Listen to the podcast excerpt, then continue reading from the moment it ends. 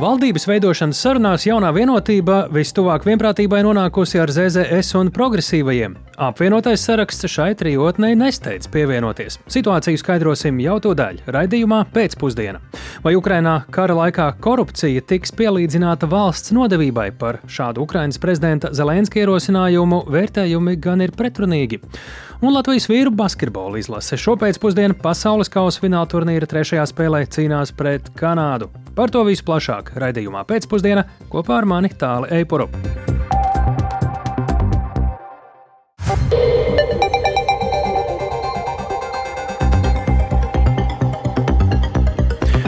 Pūkstens ir 16 un 5 minūtes. Skana pēcpusdienas ziņu programma, skaidrojot šodien svarīgus notikumus. Studijā tālāk Eipurs. Labdien! Vai apvienotais saraksts iekļausies jaunajā koalīcijā un strādās valdībā? Pašlaik izkristalizējas, ka tajā darbosies jaunā vienotība, Zaļo un Zemnieku savienība un partija progresīvie. Apvienotais saraksts šobrīd nesteidz atbildēt uz jautājumu par pievienošanos šai komandai. Viņa pamatojums ir risks par ASV sankcijām pakļautā Aivara Lemberga ietekmes atjaunošanos līdz ar ZZS atgriešanos valdībā. Vairāk klausāmies Jāņa Kinča ierakstā. Jaunā vienotība pie apvienotā saraksta ar piedāvājumu par dalību valdībā nav atnākusi viena pati. Ar viņiem kopā ir arī ar Aivaru Lembergu saistītā Zaļo Zemnieku savienība un progresīvie. Tā par priekšpusdienā pausto piedāvājumu iesaistīties valdības koalīcijā tēlēni izteicās apvienotā saraksta viens no līderiem - saimnes priekšsādātājs Edvards Smiltēns. Par pievienošanos šim koalīcijas kodolam jāapspriežas atsevišķi, galvenokārt tieši Lemberga faktoru dēļ. Tie ir valsts reputācijas minimums riski, iespējams mūsu valsts strateģisko interešu riski.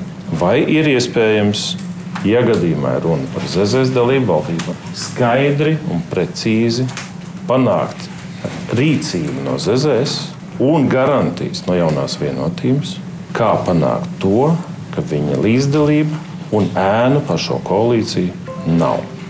Pagaidām šādas konkrētas atbildes, izņemot deklarācijas, mums diemžēl nav. Premjeramata kandidāte Evika Siliņa no jaunās vienotības apvienotā saraksta bažas par Lemberga ietekmi uz valdības darbu saista ar atsevišķu deputātu iepriekšējo gadu pieredzi. Tā līdzīgu viņa sola nepieļaut. Sankcionētu personu izslēgšana vai kāda lēmuma pieņemšanas būs mana viena no lielajām prioritātēm. Es pati ļoti labi pārzinu sankciju likumu. Un man ir pilnīgi skaidrs, ka reizēm politiķi mēdz atrast kaut kādus ārējos faktorus, kas traucē viņu rīcībai. Jaunajai vienotībai un apvienotajam sarakstam sarunā par uzdevumiem tautsēmniecības, valsts drošības, banku konkurētspējas un valsts budžeta izstrādes jautājumos domstarpību nesot bijis. Tas arī ir galvenais, jo sabiedrību interesējot ātra valdības izveide un izlēmīga soļi, vērtēja Siliņa. Es redzu, ka mēs varam strādāt kopā ar apvienoto sarakstu. Viņi varētu būt mūsu strateģiskie partneri daudzos jautājumos, kas valstī ir svarīgi. Protams, ir subjektīvi jautājumi, tie ir jāizlem pašam apvienotam sarakstam. Man rīt jādodas pie valsts prezidenta, un es viņu arī informēšu par sarunu gaitu. Apvienotam sarakstam ir laiks vēl šodien lēmumu pieņemšanai, es arī respektēju to un gaidīšu no viņiem tātad arī ziņu, vai mēs ejam tālāk ar koalīciju vai nē. Apvienotā saraksta lēmums par dalību nākamās valdības koalīcijā sagaidāms vēl otrdien. Jānis Kincis, Latvijas Radio. Un šobrīd tā tad rīt apvienotā saraksta saimnes frakcijas valdes kopsēde, kurā viņi spriež, ko atbildēt uz Evikas Siliņas piedāvājumu veidot valdību kopā ar ZZS un progresīviem un jauno vienotību. Šobrīd pie mūsu klausulas ir Rīgas Strādiņa Universitātes politikas zinātnes katedras docente politoloģe Lelda Metla Rozentāli. Labdien! Labdien! Kādā situācijā tad šobrīd ir jaunā vienotība, kādā ir apvienotais saraksts un kādu spēli kurš no viņiem šobrīd spēlē? Nu, zināmā mērā ir tāda sajūta, ka mēs esam atgriezušies atpakaļ 14. augustā, tikko pēc Kariņa kunga demisijas, jo mēs atkal esam principā, nu, zināmā mērā pie šīs trīs partiju savienības, ZZS, progresīvie un vienotība. Jo ja kaut kādas dienas vai nedēļas atpakaļ šķita, ka mm, nu, bija šīs sarunas, ka faktiski mēs sēžamies pie baltas lapas un runājam ar katru uh, kandidātu, ja katru potenciālo partneri, tad šoreiz mēs, mēs esam atkal situācijā, nu, apvienotais saraksts vai nu pievienojieties vai nepievienojieties kodolam, un Nacionāla apvienība tieši tāpat vai nu pievienojieties vai nepievienojieties. Un, protams, ka līdz ar to Nacionālās apvienības pozīcija ir skaidra, jo, nu, ja, ja progresīvie ir valdībā, tad viņi nav valdībā, nu, viņi jau to ir pateikuši. Protams, šeit noteikti prasītos um, uh, man komentārs no, um, iespējams, no potenciālās. Um, tātad valdības veidotājs, Silīns kundze, nu, pasaka ir tās kvalitātes, kāpēc progresīvie nu, ir kā, tie, kuri tiek izvēlēti, un Nacionāla apvienība ir tie, kuri uh, netiek izvēlēti. Vai mēs šeit runājam arī par kvalitātēm, vai te ir tikai stāsts par lojalitāti, teiksim, prezidenta vēlēšanās, un ja nobalsoja, tad, nu, tad automātiski tie ir iekšā un šitie ir ārā. Uh, un, protams, ka apvienotais saraksts arī šeit, uh, es pieļauju sajūtu, nu, ja viņi ir, kā jau viņi teica, tas ceturtais ritenis, tad te ir tāda ļoti liela izšķiršanās, vai, uh, nu, cik, ko viņi iegūst un ko viņi zaudē no pievienošanās valdībai.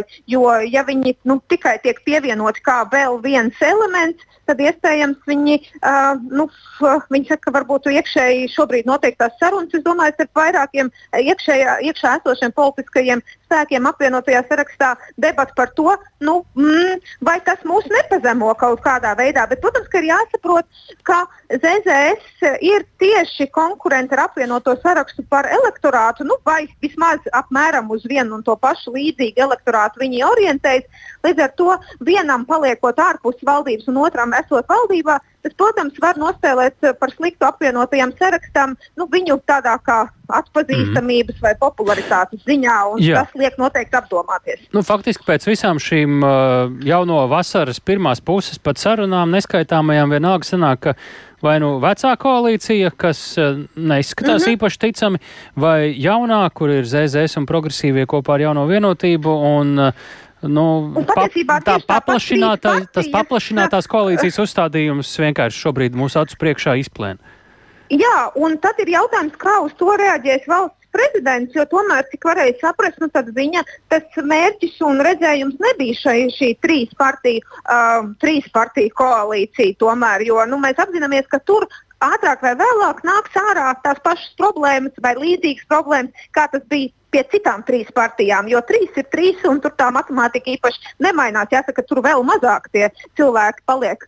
Un, Tāpēc es domāju, ka noteikti nu, šķiet, ka tas nebūs tas pareizākais uh, situācijas kaut kāds attīstības scenārijs. Un es domāju, ka varbūt jau to apzinās arī apvienotais saraksts, ka no vienas puses viņi jau arī tai valdībai ir vajadzīgi. Ne tikai viņiem ir vajadzīga valdība, bet tomēr arī viņi ir vajadzīgi. Nu, domāju, šī viņa pauzīte, tā ir tāda vietas iegūšana diskusijai, tā skaitā par amatiem un līdzīgi.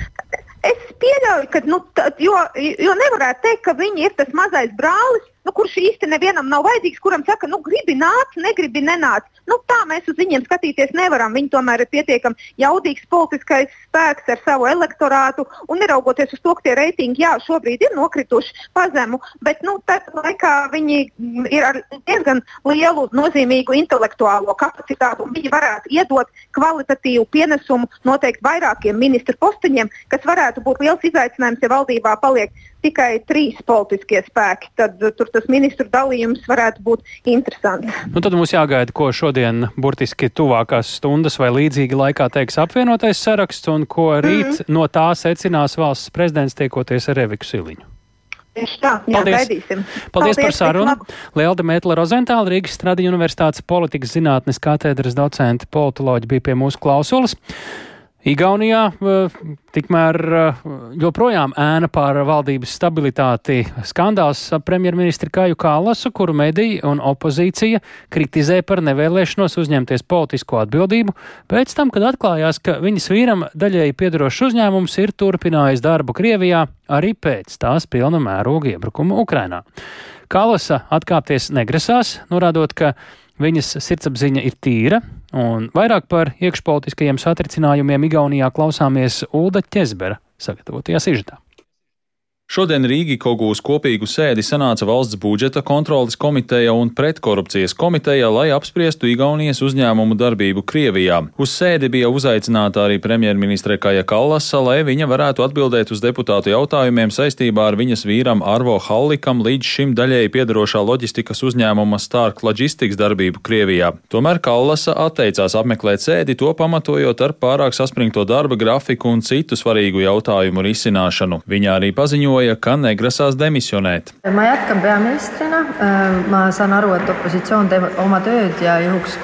es turpinu pildīt premjerministra pienākumus. Es saprotu, ka opozīcija dara savu darbu, un ja viņiem izdosies iegūt parlamentā pietiekami daudz balsu, lai izteiktu man neusticību, tad situācija būs citāda. Man ir ļoti žēl, ka ir izveidojusies šāda situācija.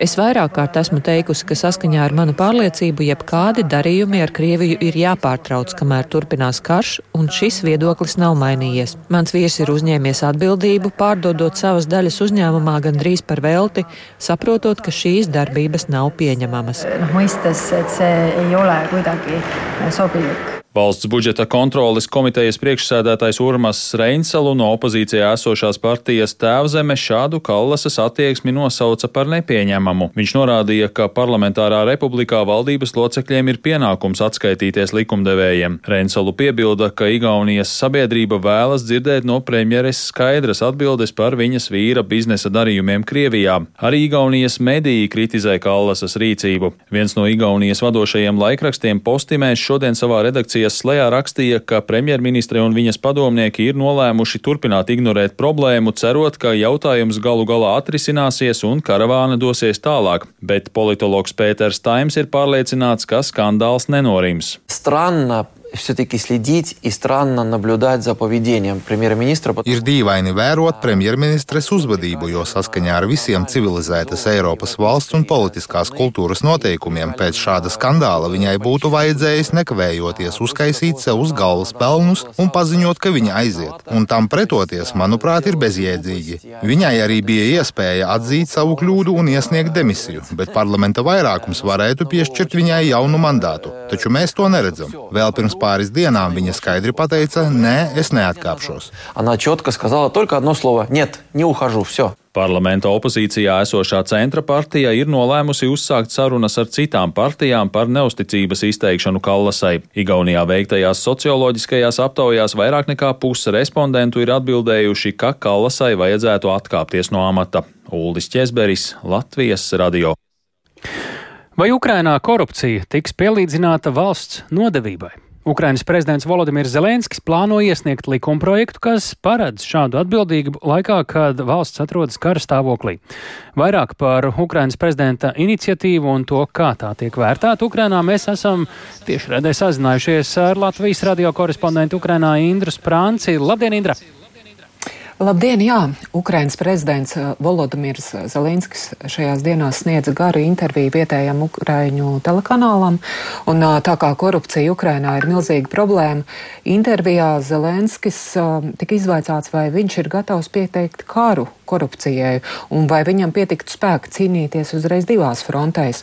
Uz to viņš atbildēja, ka viņa prioritātes nav mainījušās. Prioritāte numur viens joprojām ir karš ar iebrucēju no Krievijas, taču viņš plāno pievērst lielāku uzmanību ar korupciju saistītām problēmām, meklējot fundamentālus, un, un tur ir vajadzīgi arī sistēmiski risinājumi, un viņš nāca klajā arī ar negaidītu piedāvājumu. Turpinājumā paklausīsimies Zelenska sacīto intervijā Ukraiņu vietējiem telekanālam TSN. Я поставив задачу законодавства. Es esmu devis uzdevumu likumdevējiem Ukrainas likumdevējiem tiks piedāvāts mans priekšlikums - pielīdzināt korupciju valsts nodevībai kara laika apstākļos. Es saprotu, ka tas nevar darboties pastāvīgi, bet kara laikā es domāju, ka tas palīdzēs. Zelenska ieskatā tas varētu būt nopietns instruments kara apstākļos, lai atturētu personas no vēlmes pat domāt par korupciju. Prezidents arī pauda pateicību esošo korupcijas apkarotāju darbam, taču atzīmēja, ka nepieciešams sistemātiski risinājumi cīņas ar korupciju efektivizēšanai. Paklausīsimies vēl Zelenska sacīto. Є якісь докази. Ну, Ja ir kādi pierādījumi nežēlīgi sodīt, spriedumi ir jāpieņem tiesā, tos nevar atstāt ielām. Savādāk mēs nebūsim ne Eiropas Savienībā, ne NATO, ne arī būs kāda Ukrainas uzvara. Jau pēc šīs intervijas pamazām sāka iezīmēties Zelenska biroja priekšlikumu likumu grozījumiem aprises. Un jāsaka, ka tas raisa bažas par to, vai šīs iniciatīvas stiprinās korupcijas apkarošanu Ukrainā, vai tieši otrādi. Un bažas ir saistītas ar ieceri apjomīgu korupcijas lietu izmeklēšanu uzticēt arī paša prezidenta biroja tiešā pakļautībā esošiem Ukrainas drošības dienestam, kas varētu būt arī veids, kā norakt apjomīgas kriminālas krimināllietas pret augsta līmeņa korumpantiem. Un tās nav tikai tādas tukšas bažas. Jau pirms pāris gadiem korupcijas apkarotāji bija tikuši uz pēdām paša Zelenska biroja vadītāja vietniekam Oļegam Tatārovam, un viņa, viņam tika arī izvirzītas apsūdzības kukļošanas lietā. Taču lieta tālāk nekur nepavirzījās, jo krimināla process tika izņemts no korupcijas apkarotāju rokām un nodots šeit prezidenta pakļautībā esošiem drošības dienestam. Un uh, tur tālāk nekas nenotika, un uh, krimināllieta līdz tiesai tā arī nav nonākusi. Um, nu, tikmēr Ukrainas pretkorupcijas birojas, kas šobrīd izmeklē liela apmēra korupcijas lietas uh, pret augstām Ukrainas amatpersonām, šo gadu sācis ir patiešām ļoti efektīvi. Aiztur gan ļoti augsta līmeņa tiesu varas amatpersonas, gan dažādas politiķus, un likumsargu redzeslokā ir nonākuši arī Zelenska partijai piedaroši cilvēki. Līdz ar to ir šie jautājumi, ar kādu mērķi patiesībā Zelenska Zelenskis rosina šādas izmaiņas. Turklāt kritizēts tiek nevien iespējamās izmaiņas attiecībā uz apjomīgo kriminālu procesu izmeklēšanu, bet arī pēc būtības par ieceru korupciju kā noziegumu pielīdzināt valsts nodavībai.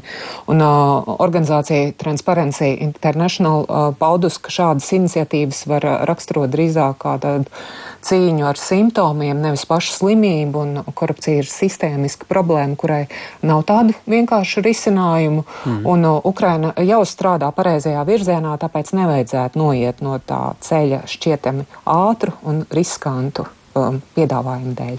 Paldies, Indrai! Organizācijām. Jā. Paldies Indrai Sprancei par pretkorupcijas ziņām no Ukrainas.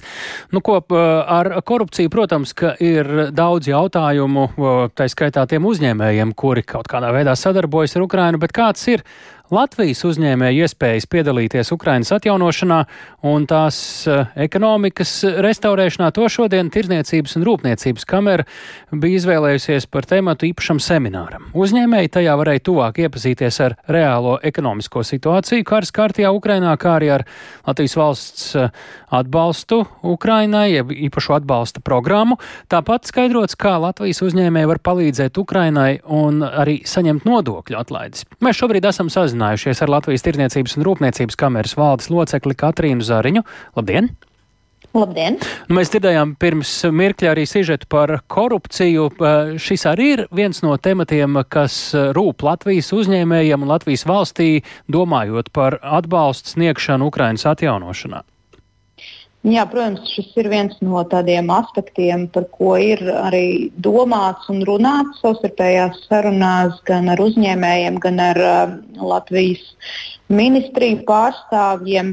Uh, nu, jāsaka, protams, ka mēs šeit Latvijā tādu tā, tā augstu līmeņu korupciju un tādu ļoti tādu, tādu dziļu korupciju tomēr esam, esam, esam izskauduši tādos lielos apmēros. Un, uh, Un, un Ukrainā vismaz tās tādā sajūta līmenī šķiet, ka vēl ir ļoti daudz darba jāizdara, uh, lai nonāktu vismaz tajā līmenī, mm. kur mēs esam Latvijā. Ko novērojat šīs dienas seminārā un ko novērojat arī iepriekš? Kāda ir un ir bijusi Latvijas uzņēmēja interese par iespējām piedalīties Ukrainas atjaunošanā? Jo nu, šeit arī nav runa par labdarību, šeit ir par uzņēmējdarbību.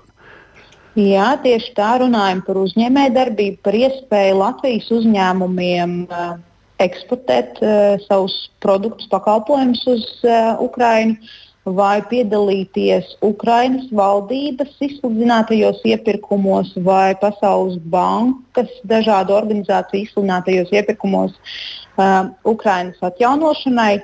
Un, un kas, protams, šāda dalība šādos iepirkumos nestu arī tad, ienākumu Latvijas, Latvijas uzņēmumiem. Kā jūs redzat, par kādu veidu projektiem un iesaisti Ukrainas atjaunošanā vispār bija runa tieši šajā seminārā? Jā, mēs runājām par, par virkni, protams, dažādu projektu, bet es gribu izcelt, ka šobrīd Ukrainā tiek atjaunota energo padeves un, un sagādas sistēma. Tas ir viens liels bloks, kur mūsu uzņēmumi var piedalīties un iesaistīties. Tiek atjaunota arī uzņēmumu, ne tikai uzņēmumu, bet arī valsts kopējā infrastruktūra. Tad mēs runājam par, par ceļiem, dzelzceļiem, ostām. Uh, Tad arī tur ir iespēja mūsu uzņēmumiem no dažādām nozarēm iesaistīties. Tāpat tās arī notiek milzīgs darbs pie um, dzīvojamā fonda atjaunošanas, kur arī Latvijas uzņēmumiem ir iespējas. Tas, kas, protams, jāņem vērā, ka šādiem iepirkumiem un šādām iespējām ir, ir nopietni jāsagatavojas. Ir, protams, jāsaprot gan uzņēmuma Latvijā finansiālās iespējas un ražošanas kapacitāte, jāsaprot arī tas, kā darbojas šis Pasaules bankas iepirkumu mehānisms un kā darbojas Ukraiņas iepirkumu mehānisms. Šeit arī jau iepriekš runājot, tad, tad, jāsaprot arī, ka atšķiras produktu certifikācijas sistēmas starp Eiropas Savienību un mhm. Ukrainu. Mm -hmm. Arī tas uzņēmumiem jāņem nu, vērā. Tur droši vien ir vēl garš saraksts ar saprotamajām lietām. Šīs bija uh, iespējams svarīgākās. Uh, Cik daudzi jau ir īsumā, pavisam dažos vārdos, reāli iesaistījušies vai plāno to darīt? Ko jūs redzat no Latvijas? Mēs redzam, ka interese ir grūti tādos absolūtos cipros pateikt. Pēc datiem, pēc eksporta, importa datiem mēs redzam, ka katru mēnesi šis apjoms pieaug dalībai, eksportam, importam uz no Ukrainas. Bet gribētos, protams, redzēt, redzēt lielāku iesaisti gan eksporta skaitļos, gan investīcijās mm. no Latvijas. Un pavisam vēl divos un īsākos vārdos, kur ir vairāk informācijas meklējams, ja uzņēm, uzņēmējiem šis interesē?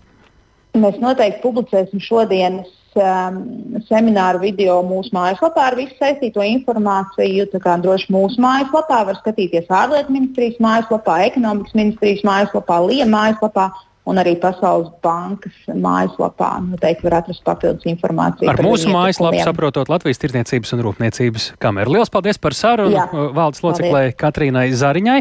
Tātad šodienas seminārs Latvijas uzņēmējiem par iespēju piedalīties Ukrainas un tās ekonomikas atjaunošanā, bet lai ziedotu Ukrainas pilsētas eh, Dnipro dzīvnieku patversmē Pegas vai eh, ziedotu raķešu uzlidojumā cietušās militārās automašīnas Kucēns un citu Ukrainas armijas autoremontam.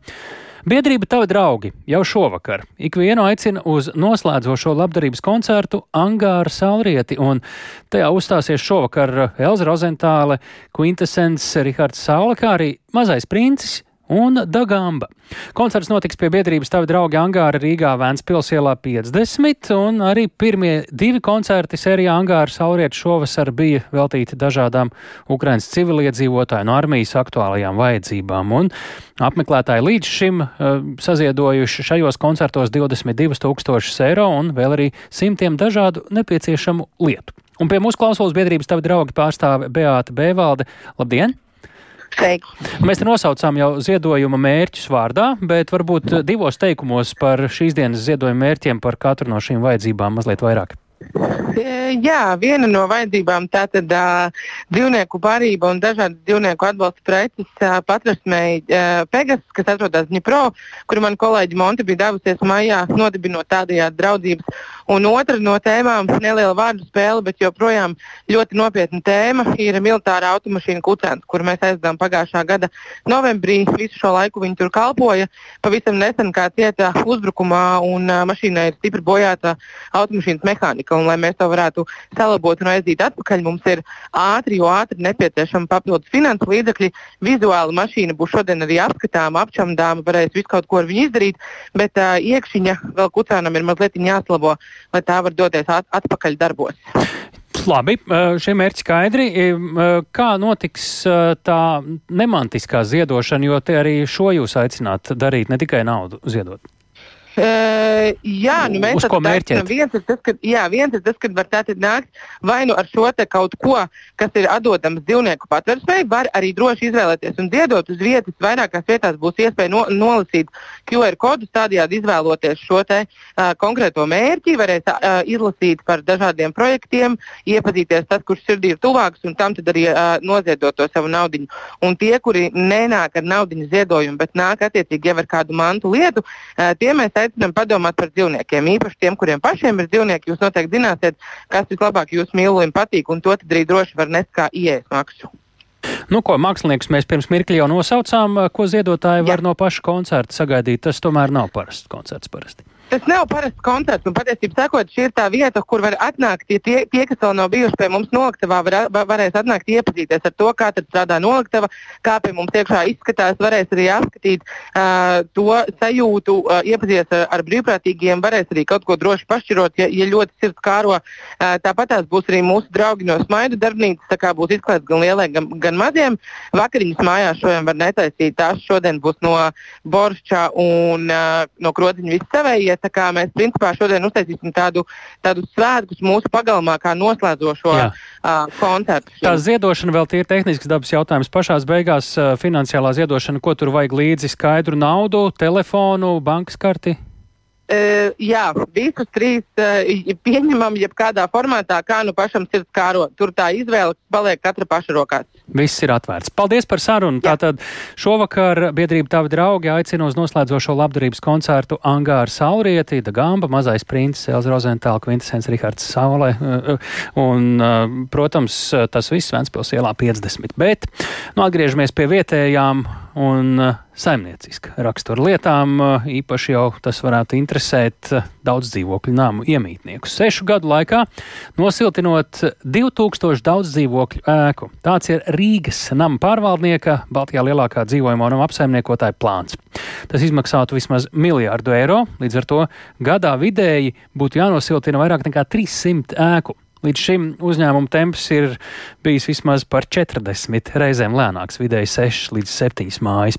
Par šādiem mērķiem šodien uzņēmums informēja Rīgas domas atbildīgajā komitejā, un vairāk gatavs mums arī par to visu pastāstīt kolēģis Viktors Dmīdos, kurš mums šobrīd pievienojas studijā. Sveiks, Viktor! Nu, pastāsti, kā uzņēmuma jaunā valde gatavojas šādu, nu, jāsaka, salīdzinot ar tagadni ļoti ambiciozu mērķi īstenot. Labdien! Jā, pēc uh, Rīgas nav pārvaldnieka mājaslapā pieejamās informācijas, uh, tad uh, tas, kā Baltijā lielākais dzīvojamo ēku apsaimniekotājs, pārvalda ap 4000 māju, un šodien uzņēmums Rīgas domas mājokļu un vides komitejas sēdē atzīmē, ka viņu darbību izjūt 400 tūkstoši iedzīvotāju, un tātad vairāk nekā puse Rīgas iedzīvotāju. Un daudzkārt esam gan runājuši par to, gan arī dzirdējuši, ka iedzīvotāji par uzņēmumu darbu sūdzas, jo īpaši viņi ir neapmierināti ar saziņas veidu, valodu. Tātad eh, kādu gadiem ilgi Rīgas nama pārvaldnieks ir piekopis. Un reiz vienā esam arī dzirdējuši, ka pilsētas izpildirektors Jānis Langi uzņēmumam ir pārmetis, nu, norādot, ka iedzīvotāji ar to nav apmierināti. Un tagad jaunais priekšnieks un valdes loceklis, abi tātad uzņēmuma vada mēnesi, apņemas situāciju mainīt. Un arī ir jauns mērķis. Līdz 2030. gadam, tātad nedaudz vairāk kā sešu gadu laikā, nosiltināt 2000 daudz dzīvokļu ēku. Tātad vismaz pusi no visām mājām, kuras viņi apsaimnieko. Un tāds mērķis noteikts Rīgas, pil Rīgas pilsētas eh, ilgtspējīgas eh, enerģētikas un klimata rīcības plānā. Izmaksas ir vairāk nekā miljards eiro. Jā, uzņēmums saka, ka tas ir izaicinājums, bet izskatās, ka tas nav īsti tas galvenais šķērslis. Eh, ēku siltināšanas ziņā Rīgas nav pārvaldnieks līdz šim finanšu institūcijai Altum ir iesniedzis 115 15 pieteikumus, taču gatavi vai tiek īstenoti krietni mazāk, jeb 46 projekti. Un tā stāsta uzņēmuma jaunais valdes loceklis Mārtiņš Pauris, atzīstot, ka līdz šim nosiltināt izdodas, izdevies, pareizāk sakot, 1,6-7 mājas gadā. Un viens no lielākajiem šķēršļiem iedzīvotāji nevēlas, lai ēkas būtu nosiltinātas. Var just arī attiecībās un komunikācijā ar iedzīvotājiem, ka nu, ir tāda nogaidošā. Neviens nezina, kas tās beigas būs. Visi domā, ka varbūt, nu, tad, ja nu viss tur juks un bruks, nu, gan jau atnāks kāds iedos naudu un to mūsu māju nosiltinās. Nē, tā nebūs. Tas ir privāti īpašums iedzīvotājiem pašiem. Tas būs jāfinansē garākā vai īsākā termiņā. Ja? Un tāpēc tas, ko es varbūt aicinātu deputātus, varbūt izskatīt iespēju pateikt, ka 2035. gadā varbūt tas gads ir tā, ja šī ēka neatbildīs noteikti energoefektivitātes klasē, varbūt nebūs eksploatējama vai nodoklis būs reiz desmit, vai nu, jebkādi tādi motivējoši instrumenti, lai cilvēki zinātu. Un tas mums ļoti palīdzētu iet un teikt, rīkojies tagad, jo pretējā gadījumā tev draud tas. Tālāk uzņēmuma jaunais valdes loceklis Mārtiņš Pauris, arī vadītājs Mārtiņš Ozoliņš šodien mājokļu vidas komitejas sēdē pateica, ka ir vajadzīgs dzinulis, lai iedzīvotāji nepārdomātu, kāds dzinulis varētu uzrunāt. To jautāja dzirciem un īļģuciem apkaimju biedrības valdes loceklim Didzim Juško, kurš ir arī savas daudzdzīvokļu mājas valdē trūkst plašākas, varbūt tās reklāmas, plašākas vienas pieturas aģentūras, kur cilvēkiem pateiktu, wow, mēs tagad dibinām šādu aģentūru, kura palīdzēs jebkuram nu, mājas biedrībai vai iedzīvotāju kopībai nu, veikt renovāciju. Mums no jums ir vajadzīgs tikai kopības lēmums uz atsevišķiem noteikumiem, ko tad jūs vēlaties tur izdarīt. Un tālāk mēs jūsu vietā visu izdarām. Paši mēs zinām, kā notiek, kad iesāk kaut kādus darbus un viņus nepabeidz vienkārši. Un cilvēki nu, ķilnieku lomā, un tāpēc viņiem vienkārši loģiski ir bailes. Un tāpēc, ja, ja šos būvniecību procesu uzraudzību un visu pārējo nodrošinātu kāda aģentūra, tad šis noteikti būtu kaut kāds atvieglojums un diezgan liels stimuls. Tālāk dzirciem un ieļģuciem apkaimju biedrības valdes loceklis Digis Juško, eh, bet atgriežoties pie komitejas sēdes, tad Paurs eh, pieminēja tādu ESCO modeli, kas palīdzēs iedzīvotājiem eh, tātad šo pakalpojumu īstenot. Detaļas viņš nepieminēja, tātad Rīgas nav pārvaldnieka jaunais valdes loceklis, taču pieminēja, ka iedzīvotāju lēmums tik un tā ir vajadzīgs. Un tad, nu, liek mums secināt, ka iespējams jāieklausās Juško teiktajā, ka varbūt tas ir tas variants. Jā. Tādi stāsti no Rīgas nama pārvaldnieka un kolēģa Viktora Demidova. Iespēja siltināt ēkas, uzlabojot gan to energoefektivitāti, gan izskatu. Latvijā daudz dzīvokļu nama īpašniekiem ir ar arī finanšu institūcijas automu un Eiropas Savienības atbalstu. Tomēr, kā arī dzirdējām iepriekš un kā dzirdēsim nākamajā sižetā, iedzīvotāju aktivitāte tomēr dažviet ir visai zema. Piemēram, Jēkabpilī astoņu gadu laikā programmā piedalījušās tikai trīs mājas. Viena jau ir nosiltināta, bet divās būvdarbi drīzumā būs pabeigti. Plašāk par situāciju Jēkabpilī un arī kopumā Sandras Paegļa kalnas ierakstā. Jēkabpilī ir vairāk nekā 200 daudzdzīvokļu māju, kuras ir Jēkabpils namu pārvaldes apsaimniekošanā. No tām lielākajai daļai nav veikti vērienīgi atjaunošanas darbi, tādēļ sliktā stāvoklī ir gan ēku energoefektivitāte, gan vizuālais izskats. Ar finanšu institūcijas altuma atbalstu iedzīvotājiem ir iespēja veikt māju siltināšanu, tomēr jēkapilieši šajā jomā nav bijuši pārāk aktīvi. Pēdējo astoņu gadu laikā interesi par šo programmu izrādīja 11 mājas, bet ne visās ir sasniegts rezultāts. Stāsta māju apsaimniekotāja Sijā Jēkā namu pārvaldes valdes locekle Elita Freija. Tika sastādītas aptuveno izmaksu tāmes, kuru jau laikā divas mājas atteicās no šīm izmaksām. Uzsākot um, reāli iepirkumu organizēšanu 2021. gadā, jau bija saprotamas kopējās projektu izmaksas un uh, tika rīkotas uh, dzīvokļu īpašnieku sapulces. Šajā laikā vēl sešas mājas atteicās no turpmākas dalības programmā. Vienā no mājām būvdarbi tā arī netika uzsākti, bet vēl viena māja siltināta bez namu pārvaldes starpniecības. Rezultātā šobrīd Jēkabpilī ir trīs daudzdzīvokļu mājas, kurās astoņu gadu laikā veikta siltināšana. Divās no tām būvdarbi tiks pabeigti tuvāko nedēļu laikā. Namu pārvaldē uzsver, ka māju siltināšanu kavē vairāki apstākļi. Pirmkārt, daļai māju nemaz nav iespēju piedalīties programmā, jo tai ir pārāk lieli komunālo maksājumu parādi. Otrakārt, iedzīvotājus baida kredīta maksājumi, skaidro Elita Freja.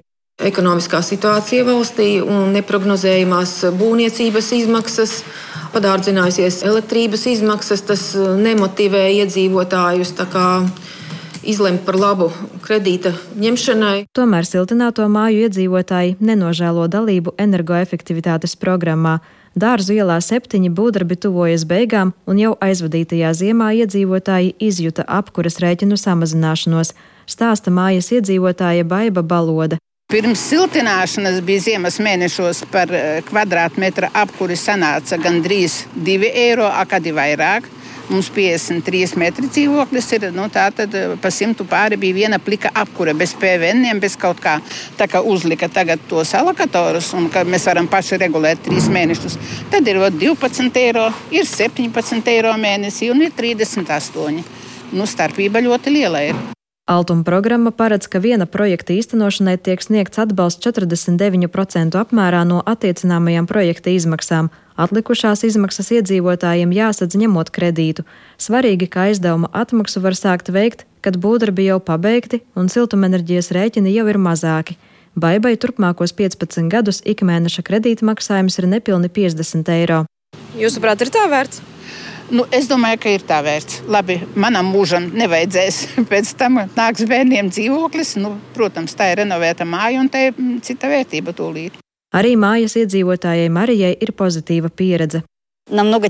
Mums kļūst daudz siltāk un maksāšana ir viennozīmīgi lētāka, tā ka esmu apmierināta. Par daudz dzīvokļu māju energoefektivitātes programmu sabiedrībā valda dažādi stereotipi, bet Finanšu institūcija Altuma veic skaidrojošo darbu, lai tos likvidētu. Par vienu no stereotipiem stāsta Altuma daudz dzīvokļu māju energoefektivitātes daļas vadītāja Ilze Ungure.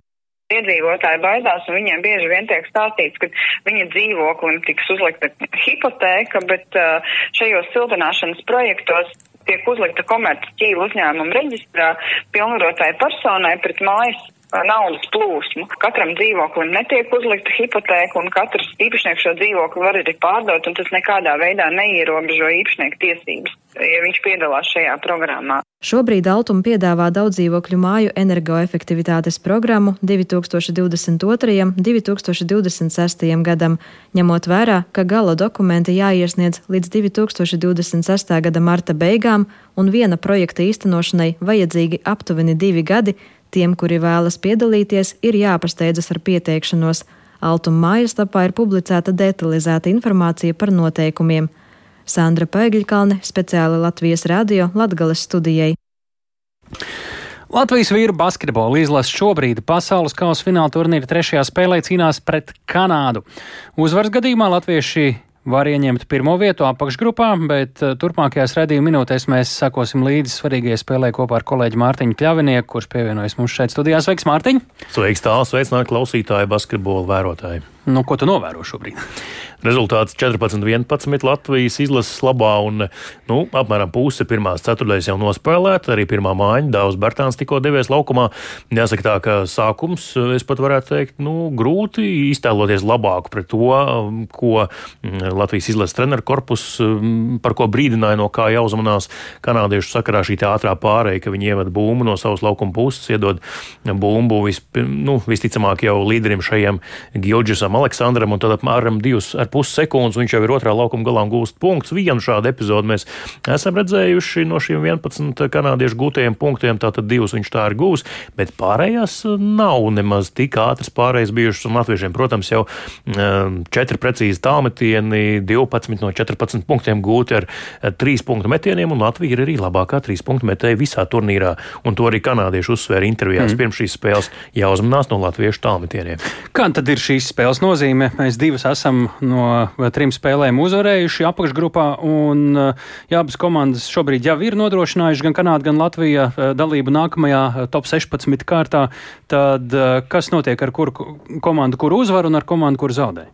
Jā, nu, uzvar jebkurā gadījumā ir um, primārais, jebkurai komandai, jebkurā spēlē dodoties laukumā, bet eh, no turnīra pozīcijām tad tajā nākamajā grupā, kas jau cīnīsies par ceturtajā finālu, tur šī bilants no šīs apakšgrupas nāks līdzi, un vai nu Latvijai būs trīs uzvaras trijās spēlēs, vai nu divas uzvaras, viens zaudējums. Un Kanādai identiski, vai nu trīs uzvaras, vai divas uzvaras, viens zaudējums. Un, nu, ja ar trijām uzvarām Latvija tiek tālāk nākamajā grupā, kur pretim nāks Spānija un Brazīlija, vēl divas spēles, tad nu, tas jau ir tāds labs pamatakmens un eh, tāds pussolīts pretim ceturtajam finālam, mm. labāko astoņniekam. Tad iespējams, ka var pietikt arī ar vienu uzvaru vai nu pār Spāniju vai pār Brazīliju.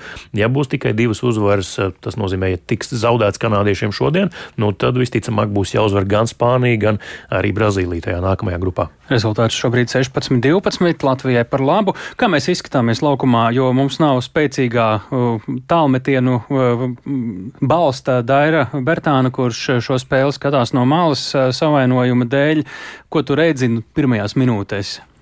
Man liekas, ka treneris ļoti labi adaptējas ir eh, sākuma piecinieku, eh, kur jā, nav eh, Daira, kurš bijis nu, ierasts sākuma piecinieku dalībnieks visās līdzinājās divās pasaules kausa spēlēs, bet Latvija sāk ar Artūru Žagaru, protams, saspēles vadītāja pozīcijā, tad Artūrs Kuruts kā otrais numurs nomināli, kur Dairs parasti spēlēja Andrejs Gražuls, Rolands Šmits un arī Rodions Kuruts. Un, um, paskatiet, pasakojiet līdzi, ko sēdz Rodions Kuruts, numur 0-0 Latvijas izlasē, um, ja vērojat šo spēli Itālija tālrādē e, šeit Gilģis Aleksandra, Kanādas mm. otro numuru, viņa līderi. Jā, tas ir tāds īpašs uzdevums viņam šajā spēlē viņu sekt, nogurdināt un, un, un e, jā, izsūkt viņa spēkus. Bet e, par Dairu Dairs ir laukuma malākā komandas kapteinis atbalsts un pagaidām, nu, laikam var teikt, ka laukumā neizjūt viņa trūkumu, jo, kā jau minēju, četri tālmetiem bijuši precīzi un tos jā. realizējis Artūrs Žagars, Rudjons Kuruts un divus arī Artūrs Kuruts. Jebkurā gadījumā mēs gaidām Māra Berga reportāžu, lai kā arī šī spēle beigtos. Mēs ceram, protams, uz